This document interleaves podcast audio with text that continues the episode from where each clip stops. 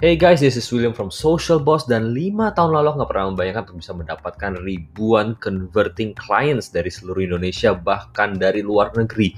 Dan hari ini aku mau ajak teman-teman yang mendengarkan untuk melihat bagaimana businesses can use this strategy untuk meningkatkan income, pendapatan, profit, revenue, atau bahkan traffic kepada offline stores teman-teman semua. Jadi daripada lama-lama lagi, let's dive into it.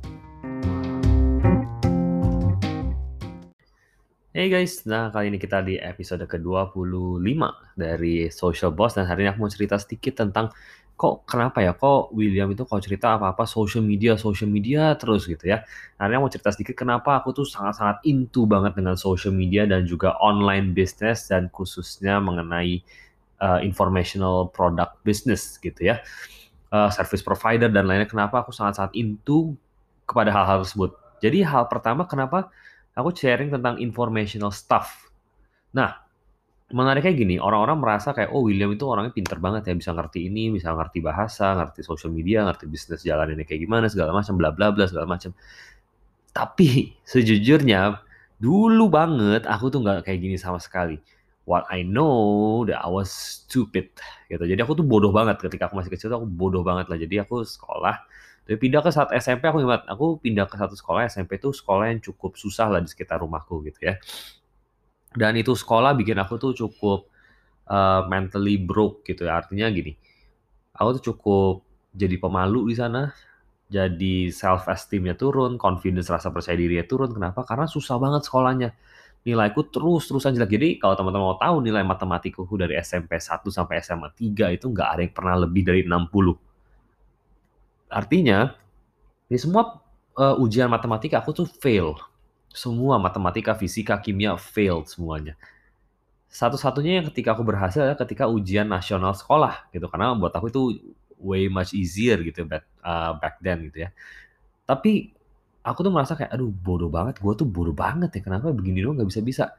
Sedangkan uh, papaku tuh selalu bilang gitu bahwa kalau kita mau sukses ya salah satu jalannya ya harus pintar gitu kan dan aku bodoh. Udah bodoh, pemalu, introvert, gak berani ngomong kalau ketemu orang tuh matanya tuh nggak ngeliat orang gitu ya. Jadi kayak mamaku juga selalu bilang bahwa kayak aduh kamu tuh nggak oke lah gitu maksudnya uh, apa-apa ya beginilah bla bla bla segala macam. Jadi I know it's not a good pass gitu ya back then gitu. Jadi karena aku punya rasa gitu, aku tuh pengen mencapai sesuatu dalam hidup, cuman entah kenapa aku nggak punya skillnya, nggak punya, uh, apa namanya, mentality-nya dan lain-lain. Jadi SMP, SMA aku tuh banyak dibully, susah lah maksudnya ngapa ngapain lewatin hidup tuh zaman-zaman SMP, SMA tuh susah, teman-teman banyak ledek-ledekin karena bodoh, nggak bisa olahraga. Ya, oh ya olahraga bisa lah, cuman ya biasa aja main musik ya biasa aja gitu. Cuman semua tuh di level biasa aja tapi akademis di bawah gitu. Jadi ya uh, SMA 1 aku hampir nggak lulus, uh, nggak hampir naik kelas dan lain-lain gitu. Jadi ini tuh menarik banget ketika orang lihat ke William tuh bisa bikin produk ini, bikin produk ini semuanya informational produk lengkap banget, researchnya lengkap segala macam. Bahkan program bahasa Korea, Mandarin, Jepang, Inggris, bahasa Indonesia semua aku bikin semua dan semuanya aku bisa bahasa bisa lima bahasa gitu. Orang kayak mikir ke William kok bisa, sedangkan sejak SMP Mandarinku tuh hampir nggak lulus semua, Inggrisku selalu merah kok ini sekarang dia bisa ngomong bahkan ngajar. Gitu orang dia tertarik maksudnya kayak kok bisa? Gitu ya. Nah aku pengen kasih tahu teman-teman dulu bahwa back story itu kayak gitu bentukannya ya. Jadi apa sih sebenarnya pengen aku capai ketika zaman-zaman dulu adalah aku pengen banget sukses gitu. Maksudnya pengen banget tuh bisa kasih lihat paling pertama banget ya. Paling pertama tuh aku pengen bisa punya nilai bagus sekolah. Pengen bisa orang-orang lu lihat kayak oh William tuh keren ya. Oh begini bla bla bla. Sekarang itu aku zaman-zaman udah mulai kuliah dan lain aku pengen banget punya bisnis yang keren. Pengen banget dilihat orang, pengen banget punya bisnis yang bagus. Kenapa? Karena secara internally gitu ya, secara dalam hati adalah ketika aku sukses, yang aku percaya adalah aku punya temen, punya pacar, punya hubungan. Itu yang paling penting, aku punya hubungan. Kenapa? Karena orang tua aku suka bilang, saudara-saudaraku juga suka bilang bahwa cara untuk bisa punya teman, punya pacar, punya hubungan, salah satunya paling gampangnya adalah dengan sukses ketika kita sukses, orang tuh datang ke kita. Itu yang aku percaya dulu gitu ya. Aku sekarang sih kayak ya udahlah bener juga, cuman yang yang aku tangkap bener tuh gini. Ketika teman-teman lihat dunia social media hari ini, semakin followers kita tinggi, semakin kita sukses mencapai sesuatu, semakin kita ketemu dengan orang-orang di level semakin atas. Gitu ya. Jadi Ya that's kinda true juga hari-hari ini, cuman, eee, aku nggak terlalu percaya juga. In the end itu kan ada suatu perubahan juga, cuman saat itu gitu ya, ketika aku masih dulu, aku percaya bahwa ketika aku sukses, kaya, berhasil dalam hidup, bisnisnya hebat, orang tuh lihat aku, dan aku tuh bisa dipandang lah, aku punya self-worth, ya rasa berharga yang lebih tinggi, rasa percaya diri yang lebih tinggi, rasa diterima orang lebih tinggi, eee, keluargaku bisa lihat oke, dan lain-lain. Jadi itu yang terjadi, kepengennya sukses, pengennya kaya, pengennya terkenal, pengennya wah bla bla bla segala macam, itu yang aku pengen secara eksternal. Tapi secara dalam hati, sebenarnya simpel, aku cuma pengen orang tuh lihat dan bilang gini, "William tuh ternyata bisa loh, William tuh ternyata bisa achieve something loh dalam hidup. Dia tuh bisa berubah." Makanya teman-teman kalau, eee, ada teman-teman yang kenal aku dulu, aku tuh nggak bisa ngomong. Ya untuk public speaking, untuk ngomong nggak usah public speaking deh, ngobrol berdua aja susah setengah mati, gitu ya, apalagi public speaking, mustahil ketika itu. Jadi, aku punya masalah itu ya, gitu ya, kalau ditanya gitu, "Ada tembok nggak sih untuk kamu tuh bisa mencapai level kayak gini?" Sebenarnya banyak banget masalahnya aku lewatin tuh kayak, ya dibully lah, eee, rasa mentality aku yang nggak nggak kuat, nggak punya skill set yang cukup untuk bisa mencapai segala sesuatu. Sedangkan ketika SMA, aku punya teman-teman yang gila banget, jago main musik, jago olahraga, jago ngegambar, jago bisnis, eee, ngerti pelajaran, pinter banget, semua pelajaran nilainya A semua, sedangkan aku yang kayak, wah gua sih kalau standar sukses itu levelnya dia, aku udah tahu I I was way jauh dari mereka gitu.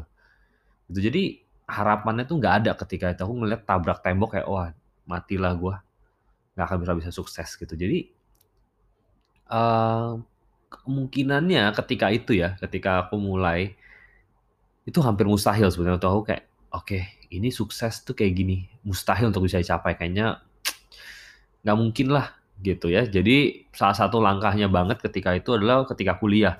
Aku berpikir gini, ada satu hal yang bisa aku lakukan, ya ini yang menarik nih, ada satu hal yang bisa aku lakukan untuk aku bisa mencapai kesuksesan tanpa harus akademisinya tinggi, yaitu adalah jualan.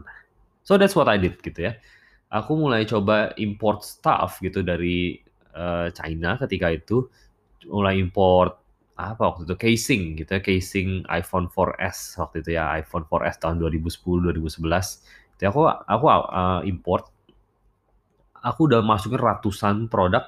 Aku ingat banget aku bawa tas dari Gold's Gym karena waktu itu aku nge-gym for the sake of being accepted as a man gitu ya. Wah harus nge-gym lah, kalau cowok harus nge-gym gitu, bla bla bla. Nah terus aku nge-gym lah.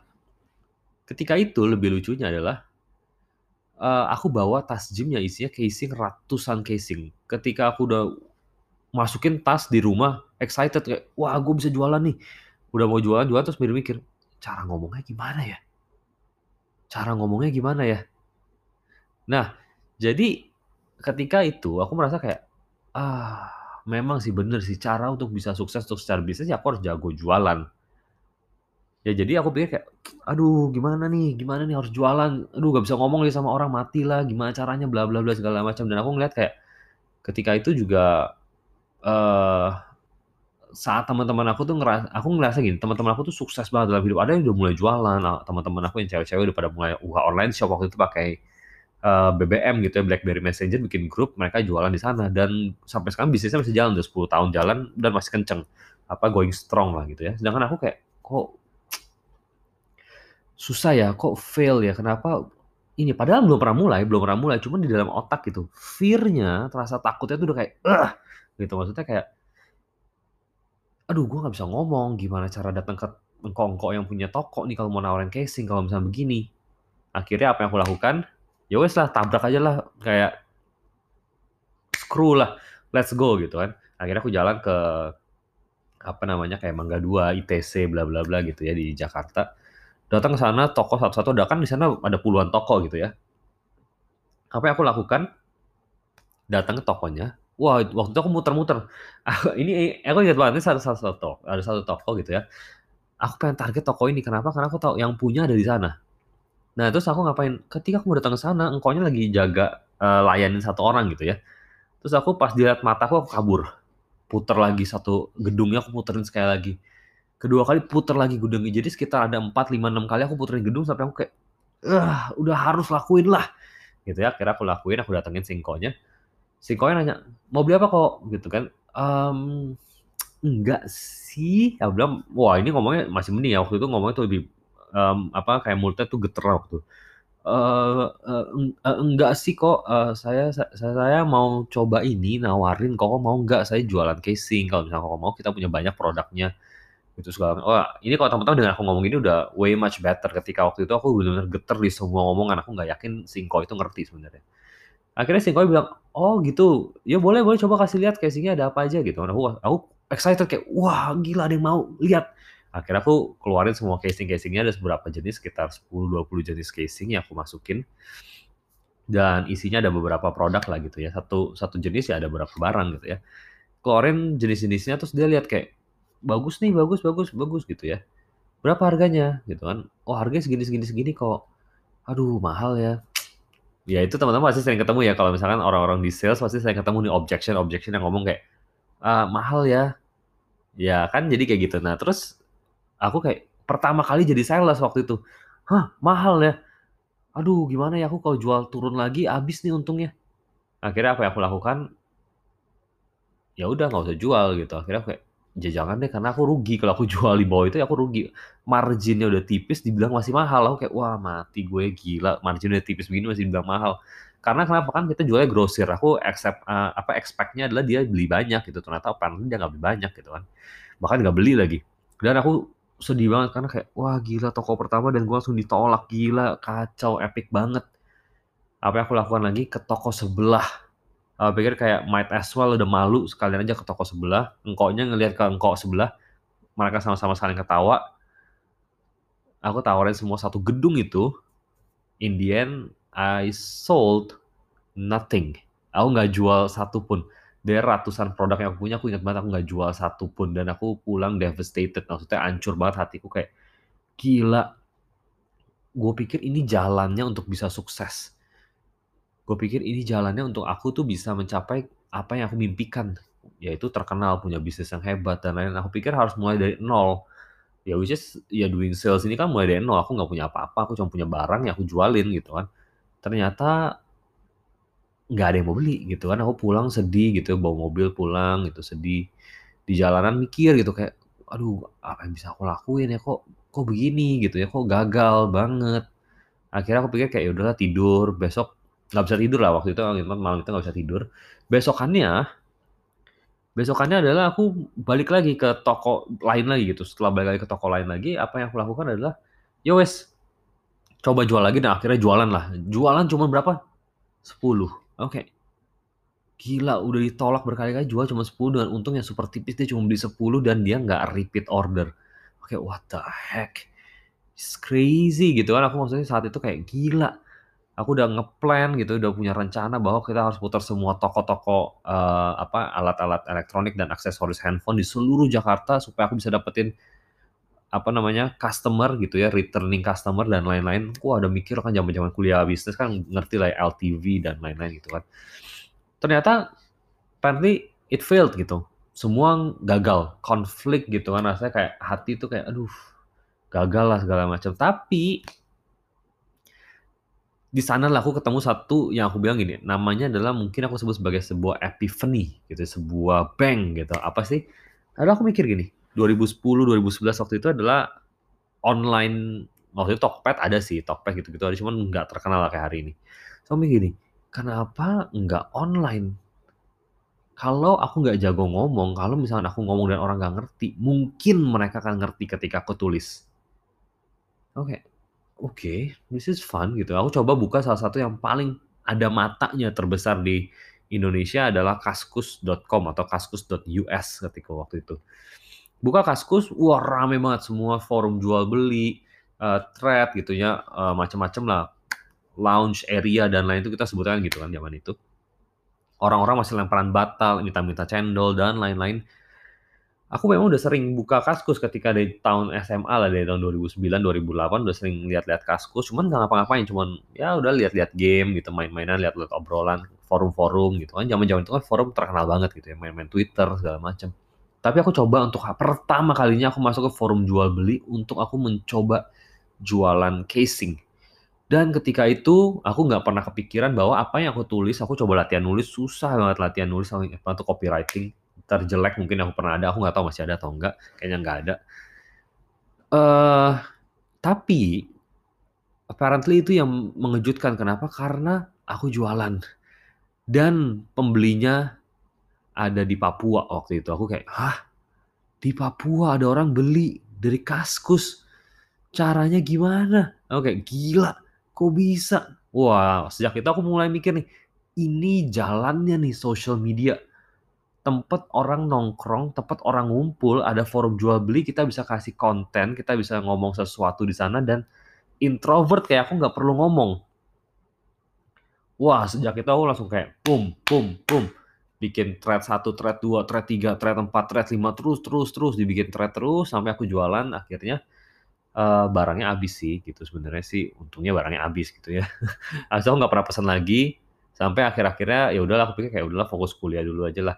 2013, 2004, 2013 aku uh, ke Korea, aku pulang 2014, temanku pulang dari UK, kita coba bikin uh, satu cold press juice. Kita jual cold press juice tapi kita package as in sekali kita jual tuh 18 botol. Nggak bisa beli satu tapi harus 18 botol karena itu paket diet. Kita jual lewat Instagram ketika itu. Jadi udah nggak kaskus lagi tapi di Instagram. Di Instagram itu temen aku ada satu yang jago banget marketing. Kita pakai namanya sistem endorse ketika itu. Jadi social media adalah sebuah tempat di mana konten itu harus dijual secara soft selling. Kalau kita suka bam, kita jual ini, gak ada yang mau. Tapi kalau kita taruh ada hooknya, endorse itu apa sih hooknya? Kalau menurut aku endorse ketika itu hooknya adalah foto dari orang-orang yang melakukan endorse. Mereka punya fans di dalamnya. Fansnya itu tertarik dengan muka-mukanya mereka. Cewek-cewek, cowok-cowok gitu segala macam. Kita endorse ke mereka, kita bayar 500 ribu, 300 ribu. Ketika itu harganya segitu ya. 1 juta, 2 juta. Wah paling mahal tuh sekitar 3 juta. Kita bayar, bam 3 juta tapi naikin follower 3000 4000 dan ada penjualan langsung close semua endorsement uh, nutup lah biayanya gitu kan oke okay, wah gila aku ingat banget temen aku tuh cukup gerilya banget agresif banget lah temen aku tuh sangat-sangat impuls dan agresif tapi memang dia pinter banget dia ngelakuin gimana caranya dia satu hari ketika kita launching produk pertama kali tiba-tiba semua endorser di Jakarta tiba-tiba upload produk yang sama semua orang kaget dan itu masuk ke halaman explore di Instagram. Tiba-tiba bam bam bam bam bam Miro4 ID, Miro4.id, Miro4.id tiba-tiba bisnis kita dari yang mulainya nol jual ratusan juta dalam waktu 4 bulan. Dan itu yang bikin aku kayak bam, social media is the new way to sell. Sejak itu aku makin yakin bahwa social media itu kuncinya untuk kita jualan. Nah, menariknya adalah ketika aku gagal, nah ini kenapa aku akhirnya masuk ke informational product dan aku tuh ngelihat kayak informational product adalah sebuah bisnis yang paling powerful di dunia hari ini. Karena kenapa? Kita nggak perlu bootstrapping. Ngapain kita, eh kita justru bisa bootstrapping, kita nggak perlu diinvest sama orang. Kenapa? Karena ketika itu 2016 aku pulang dari Shanghai, habis aku kerja di Shanghai gitu, uh, dunia bahasa lah. Akhirnya pulang dari Shanghai 2016 tuh aku bawa pulang bahasa Mandarin, bahasa Korea dan bahasa Jepang plus bahasa Inggris yang lebih lancar gitu ya. Terus aku mulai coba karena aku pikir dulu kan aku uh, jualan online gitu. Aku pikir kayak yes, online lagi aja 2000 oh 2015. Ini juga gila. 2015 aku tuh di Shanghai. Ya aku 2015 di Shanghai dan aku buka Instagram itu harus pakai namanya VPN di di Cina kan di blok gitu ya. Pakai VPN aku uploadin konten yang soft selling, ngajarin tentang uh, bahasa Korea, bahasa Mandarin, bla bla segala macam tiba-tiba aku kayak gini, boom, buka kelas, siapin funnelnya. Wah, waktu itu nggak ngerti sistem funnel, cuman ngerti logikanya bahwa flow-nya tuh kayak gini, gitu ya. Bla bla bla segala macam teman-teman mungkin nggak perlu tahu lah kata-kata teknisnya. Aku nyalain tanpa iklan. Ketika itu kan iklan kayaknya belum ada-ada banget gitu ya. Uh, Instagram di ads tuh kayak belum ada lah. Ketika itu aku nyala uh, uploadin konten dan aku cuma bilang gini di postingannya ketika itu malah story aku nggak yakin udah kayaknya belum ada story. Aku ingat story itu ketika tahun 2016 story itu nggak ada at all. Itu nothing. Instagram tuh cuman platform upload foto doang. Aku ingat banget aku cuma tulis begini guys aku buka kelas nih bahasa Korea. Ada yang mau join nggak? Tiba-tiba boom. Satu minggu aku dapat 5 sampai 6 orang. Aku kayak hah? 5 6 orang? Aku lagi di Shanghai. Dan aku ngajar dan dia kirim duit ke rekening aku di Jakarta. Kita belajar lewat Skype. Waktu itu Zoom sebenarnya udah ada, cuman aku pakainya Skype gitu ya waktu itu. Ya karena kan nggak berbayar gitu ya, free. Jadi Skype-an 5, 6 orang dan kita belajar belajar belajar sampai yang lebih gila. Aku itu bayar orang Korea, bayar orang Jepang, bayar orang Cina buat ngajarin conversation ke orang Indonesia ketika itu cuma lewat social media, aku nggak ada ngapa-ngapain lagi. Masalahnya adalah ketika aku pulang.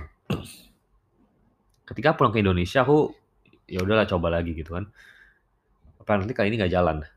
Kayaknya, eee, orang-orang mulai kayak banyak gitu ya les-lesan Korea udah mulai susah gitu pelan-pelan.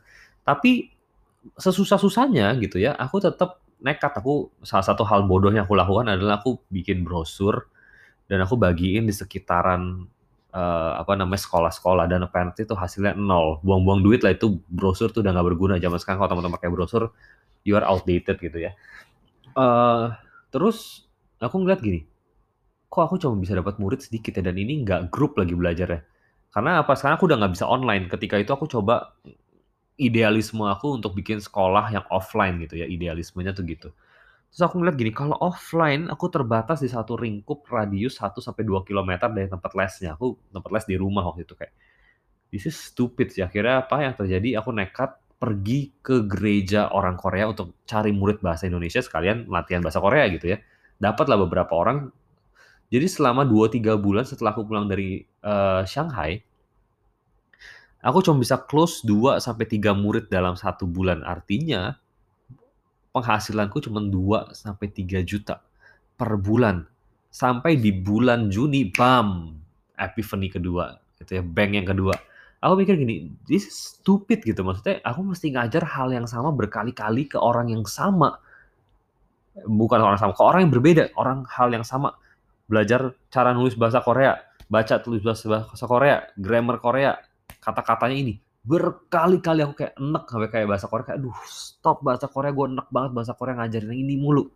Apa yang aku lakukan, aku tulis semua apa yang aku ngomongin, aku rekam semuanya, bla bla bla semuanya. Aku jadiin ini informational product. Jadi digital products-ku yang pertama banget, kita sebutnya sebagai 90 Day Korean Challenge gitu ya waktu itu. Aku nggak bisa bikin website waktu itu. Belajar, aku nonton satu video untuk bikin website, itu 6 sampai 8 jam. Itu full videonya. Belum ditambah aku mesti pause dulu, klik klik klik, pause lagi, play lagi, pause lagi, play lagi. Totalnya aku bikin satu we website waktu itu baru cuman boom, kelihatan jadi aja. Itu sekitar 1 harian lah, total buat 1 hari, maksudnya 1 hari itu as in 24 jam gitu, 12 sampai enggak enggak dua enggak 24 jam, 20 lah, 12 sampai 15 jam lah kalau enggak segituan ya, eee, kira-kira. Dan itu belum ada isinya. Karena aku nggak ngerti sama sekali, aku nggak ngerti domain apa, hosting apa, aku nggak ngerti sama sekali. Kalau sekarang teman-teman bilang, "Will, tolong dong bikin website." Paling 2, 3 jam jadi. Dulu mah kagak ngerti, gitu ya. Belajar situ, belajar lagi cara bikin LMS, learning management system, gimana caranya bikin membership, gimana caranya bikin bla bla bla segala macam, sampai yang paling gila, aku nggak pernah nyangka bulan Eee, November aku ingat banget itu MVP yang aku bikin tuh bukan MVP MVP banget sih, karena aku bikin takes 6 bulan, padahal harusnya MVP sih cep lebih cepet. Jadi aku udah excited banget, "Wah, ini produk aku pertama nih, informational produk-ku yang pertama nih, wah keren banget nih, expert bisnisku yang pertama nih." Aku coba jual lagi di online, nyala eee, nggak nya nggak ada iklan-iklanan waktu itu ya. Waktu itu kalau nggak salah udah mulai ada tuh Instagram Boost, cuman aku nggak pernah pakai. Aku Eee, punya followers lah ketika itu aku up eee, endorse-endorse kan ada aku punya bisnis ada followers sekitar 1000 sampai 2000 orang. Nah, waktu itu kita masih hoki, kenapa? Karena algoritmanya masih chronological, nggak yang, eee, apa namanya, eee, ranking feed. Aku upload, orang-orang tuh orang ya sebenarnya kalau misalnya teman-teman tanya kira ya, "Will, ada nggak sih ngajak kamu ngomong sebenarnya untuk tanya produknya?" Ada banyak, banyak banget, aku sampai kayak, "Gila, banyak banget." Cuma ternyata produknya itu yang nggak oke, akhirnya aku jual 300.000 padahal untuk belajar Korea lengkap 90 hari, 300.000. Apparently orang nggak ada yang beli.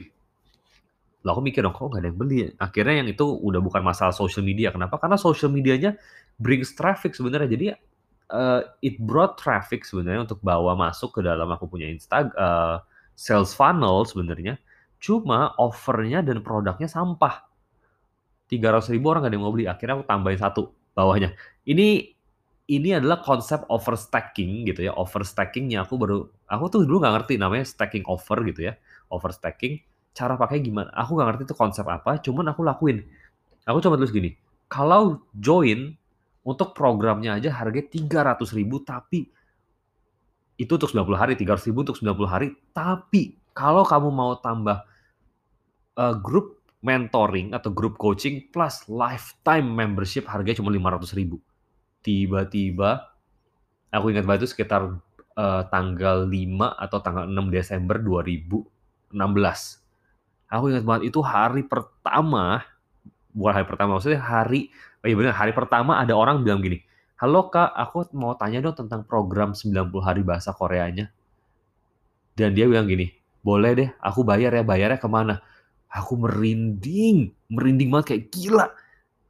This is the way gitu, maksudnya kayak bener-bener ini jalannya untuk informational product gitu, maksudnya bener-bener kayak gila.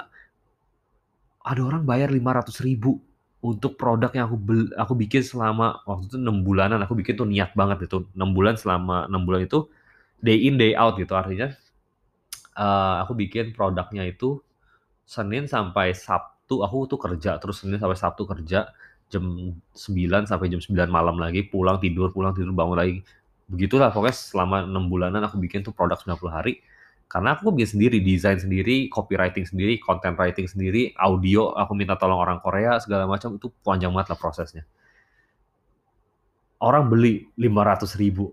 Aku kayak shock kayak oh my god Tuhan ini gila banget aku bilang. Aku cuma bilang ke Tuhan, aku ingat janjinya sama Tuhan gini, Tuhan ini kalau misalkan bulan ini aku bisa closing 20 orang, berarti aku dapat 10 juta dari sana. Buat aku kayak, mustahil sih kalau 20 orang itu mustahil banget. Aku nggak pernah pasang iklan, aku nggak pernah ngapain, yang aku lakuin cuma satu. Kasih, uh, apa namanya, kasih konten yang valuable tentang bahasa Korea. Ketika itu belum banyak yang ngajar-ngajar bahasa Korea. Hari ini banyak banget yang jago sampai yang, yang jago ada, yang nggak jago pun banyak banget. Yang cuma bisa ngomong dikit, cuma sosok ngajar, lebih banyak lagi gitu ya. Apa yang aku lakukan? Aku cuma taruh konten setiap hari konsisten satu, satu, satu, satu, satu, satu, satu, satu, satu. Dan aku jual di tanggal 31 Desember. Aku ingat banget lagi party sama teman-teman aku aku jual yang ke-20. Closing orang ke-20 untuk join belajar di tanggal 1 Januari 2017. Dan itu yang kayak BAM! Gila, this is my first 10 million ketika itu. Aku mikir kayak, ini 20 orang pertama. Kemudian ya tahun 2017 sampai akhirnya ya kita closing banyak akhirnya sampai di tahun 2019 awal sampai akhirnya itu 2019 awal tuh kalau nggak salah aku udah eh enggak 2019 tengah itu aku matiin bisnisnya gitu aku kasih orang lah cuman suruh orang jalanin aja cuman aku udah nggak jualan lagi kita stop di murid ke 1100 dengan harga udah nggak lagi 500 ribu kita jual di harga 2,4 juta dan itu pure semua dari social media Facebook Ads, Sales Funnel, Instagram Boost semuanya aku dapat online makanya orang-orang suka nanya gini Will kalau misalnya bisnis ya mesti gimana ya enaknya kalau misalnya menurut lu ya untuk online ya. Aku selalu kepikiran cuma satu digital products, digital products, digital products. Gimana caranya orang tuh bisa belajar, bisa ambil otaknya kita sedikit dan bang selesai. Dan itu orang banyak banget yang jual dan ini tuh enaknya adalah marginnya tuh full nggak ada tuh biaya-biaya COGS apa nggak ada. Biaya cuma satu biaya marketing. Bahkan kalau teman-teman bisa pakai sales funnel biaya marketingnya bisa di cover dengan pembelian pertama yang harganya kecil. Dan kita upsell dengan sesuatu yang gede, teman-teman bisa dapat marginnya full dan berlipat kali ganda dengan informational product yang full nggak ada COGS. Oke, okay, wow, this is crazy informational product. Dan itu yang bikin aku tuh terus-terusan informational product, informational product, informational product. Nah, itu sedikit cerita tentang aku gitu ya. Ini panjang banget, kayaknya udah 28 menit.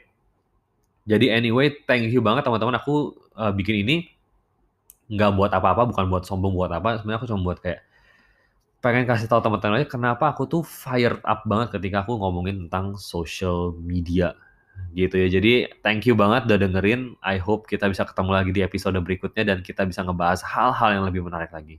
Oke, jadi thank you banget dan kita ketemu lagi di episode berikutnya. And I'll see you later. Thank you.